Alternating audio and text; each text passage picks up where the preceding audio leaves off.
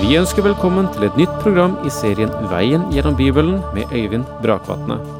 Denne studieserien er produsert av P7 Kristen Riksradio og bygger på serien Through the Bible av Vernon McGee. I dag fortsetter vi med profeten Zakaria.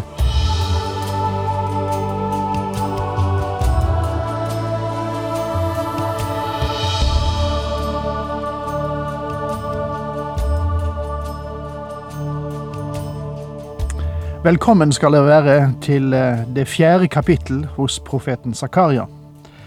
Vi eh, rakk så vidt en introduksjon av det sist, men la meg få gjenta at vi nå med kapittel fire går inn i det syvende av ti syner som denne profeten Zakaria hadde i løpet av en natt. De fire første synene symboliserer den ytre utfrielse fra slaveri og trykk i Babylon, men synene peker også fremover mot endetiden, når Israel igjen vil bli atspredt over verden, som de er det i dag, og så skal vende tilbake til sitt land når den Herre Jesus fører dem tilbake. Dette er en dobbelthet i det profetiske materialet som vi møter hos de aller fleste av profetene. Det, den ene siden av det profetiske budskap går på den aktuelle virkelighet, den som, ligger, den som man står i, eller som ligger umiddelbart foran eh, folket. Eh, men så finnes det en annen side av det profetiske materialet som peker mot en endestidssituasjon. Og det møter vi særlig sterkt her hos Zakaria. Det femte og sjette syn symboliserer den indre frelse, der vi annet har øverstepresten Josva, som er kledd i skitne klær som Gud erstatter med rene klær, som et uttrykk for at eh, Gud vil rense sitt folk. For ypperstepresten står ikke bare der for seg selv, men som representant for folket. Når Josva, øverstepresten, nå er renset, så kan du kanskje si at han er klatt til tjeneste, men det er han ikke, ikke ennå. Og vi kommer nå til synet med gull-lysestaken, som skal vise oss hvordan Josva skal fullbyrde sin tjeneste som øverste prest. Og nå til selve teksten. Engelen som talte med meg, vekket meg på nytt, som når en mann vekkes opp av søvnen. La meg igjen understreke for dere at Zakaria var våken da han tok imot disse synene. Så langt har han allerede hatt seks veldige syner. Han hadde vært på kveldsskift og nattskift, og det var tid til å få litt hvile. Og så, etter at han hadde mottatt det sjette syn, døset han av litt. Og nå må engelen vekke ham, fordi han ikke skal motta synene i en drøm. Og han kommer til å se hver enkelt del. Han spurte meg, Hva ser du? Jeg svarte, Jeg ser en lysestake som er av gull helt igjennom. På toppen av den en oljeskål og sju lamper med sju rør til hver av lampene som sitter øverst på den.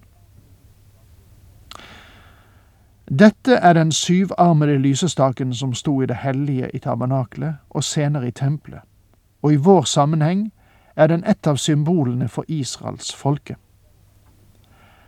Det er også andre symboler som går på denne nasjonen, og som brukes i Skriften, som eksempel vintreet og oliventreet. Men her har vi menoraen, den syvarmede lysestaken. I tabernaklet og senere i tempelet sto den syvarmede lysestaken der som et meget vakkert stykke håndverk. Den var laget av gull tvers igjennom. Besaleel, den meget dyktige kunsthåndverker, var den som opprinnelig hadde laget den. Det var tre grener som på hver side gikk ut fra en hovedstamme, og på toppen av hver av dem var det en skål vakkert formet som åpne mandelsblomster, der lampene ble plassert. Øverstepresten hadde ansvaret for lysestaken. Han tente lampene og sørget for at det var olje i dem. Det var også hans oppgave å trimme vekene og se til at disse lampene brente kontinuerlig. I åpenbaringsboken har vi et bilde av den Herre Jesus Kristus, vår store ypperste prest, som vandrer mellom lysestakene som representerte de syv menighetene i Lille Asia. Han advarte dem om at hvis de ikke gjorde bot for sin synd, så ville han fjerne lysestaken. Og han gjorde nettopp det. I det moderne Tyrkia er ingen av disse menighetene lenger i funksjon. De gikk under. Kristus tok bort lysestakene, og også senere har Herren vist gjennom historien at han fjerner lysestaken for kirker og bevegelser som mister sansen for det sanne Guds ord. Og her i Zakarias syn er det Israel som er selve bildet, representert ved menoraen, og som i framtiden skal være et vitne for Gud i verden. På toppen har den en oljeskål. Dette er noe nytt som er kommet til, og som du finner i de instrukser som ble gitt Moses for utformingen av den opprinnelige lysestaken. Her er det en oljeskål som fungerer som et reservoar, en oljetank, over de syv lampene, slik at oljen flyter inn i lampene fra denne felles oljetanken. Det er oljen som er den viktige faktor i selve synet. Lysestaken taler her om Kristus.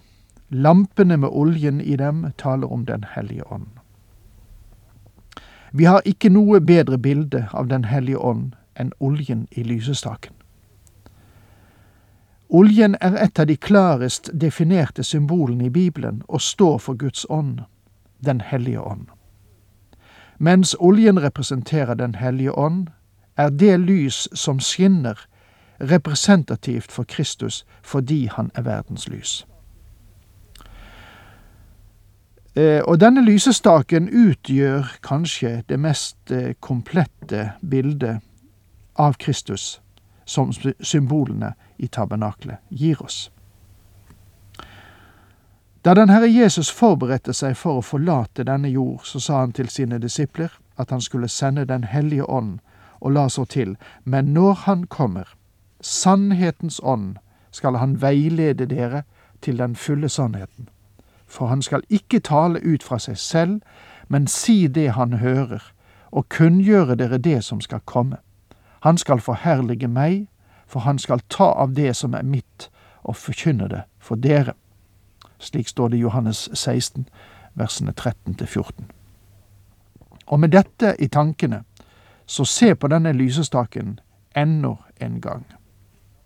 Selve lysestaken understøttet lampene med lyset som skinte i dem, og lyset i sin tur åpenbarte den skjønnhet og herlighet som lysestaken representerte. Og sett slik taler ikke Den hellige ånd om seg selv, men han åpenbarer den herlighet og den skjønnhet som finnes i den Herre Jesus Kristus. Ved siden av den står to oliventrær, ett til høyre for oljeskålen og ett til venstre. De to oliventrærne ble identifisert under Zakarias tid. Serubabel, som var konge i Davids etterlinje, er et av oliventrærne. Det andre oliventreet var Josva, øverstepresten. De skulle være to instrumenter Gud ville bruke for å føre lyset tilbake til Israels folk og gjøre dette folket til et lys for verden. Oliventreet som jeg allerede har nevnt. Og ordet på hebraisk er vakkert, for det betyr nemlig gylden olje. Representerer Den hellige ånd. Denne profetien har også sin retning mot fremtiden, den store trengselsperiode. Og dette synes å bli klart antydet for oss i åpenbaringsboken, der det står i kapittel 11, vers 3 og 4 slik. Men jeg vil sette mine to vitner kledd i sørgetøy av sekk, til å profetere i 1260 dager. Dette er de to oliventrær og de to lysestaker som står foran jordens herre.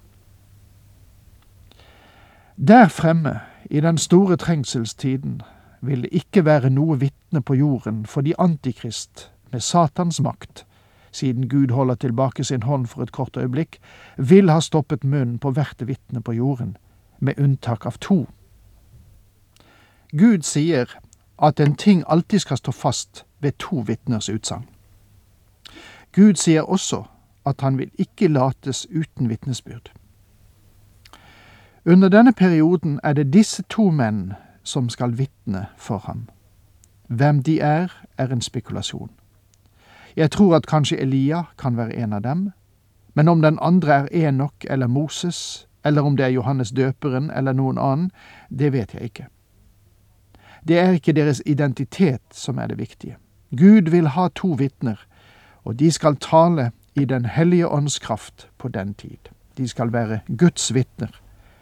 Det er hans løfte for fremtiden, på samme måte som han brukte Serubabel og Josva på Sakarias tid.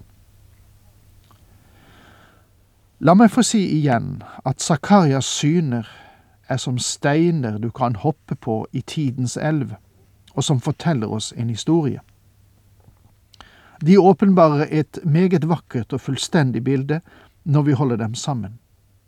Gud gav disse bilder til den rest som var vendt tilbake for at de skulle kjenne seg styrket og oppmuntret. Israelsfolket hadde vært i babylonsk fangenskap, og nå hadde de vendt tilbake til Israel. Gud hadde gjort det klart for dem at alt dette hadde hendt etter hans plan og hensikt. Og når de nå har vendt tilbake til landet, måtte de bli renset for sin synd og ført inn i et rett forhold til Gud, så de kunne være et godt og effektivt vitnesbyrd for ham. Selv om disse synene Zakaria fikk, har en side ved seg som ble oppfylt i fortid, så har de også en annen side som strekker seg mot fremtiden. Den fullstendige oppfyllelse vil skje under rikets tid, når Gud vil føre det jødiske folk tilbake til Israels land. Og Gud skal rense dem der i fremtiden. I kapittel 13 her hos Zakaria vil vi se at det finnes en kilde som skal være åpnet for å rense Davids etterlinje og for Jerusalems innbyggeres skyld.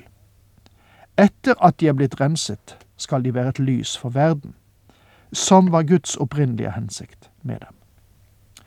I 5. Mosebok kapittel 32 vers 8 leser vi dette sterke ordet. Da den høyeste gav folkeslagene land og skilte menneskene fra hverandre, satt han grenser mellom folkene etter tallet på Israels sønner. Hvorfor ordnet han nasjonene etter tallet på Israels sønner? Årsaken er, tror jeg, at Gud hadde til hensikt at de skulle være hans vitnebærere. Og med det, takk for nå, Herren med deg.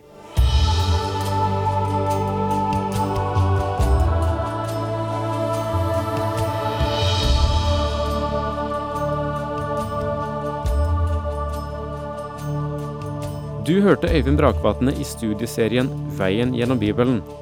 Serien bygger på et manus av Vern McGee. Har du spørsmål eller kommentarer til programmet, kan du sende en e-post til vgb krøllalfa p7.no. Takk for i dag, og på gjenhør.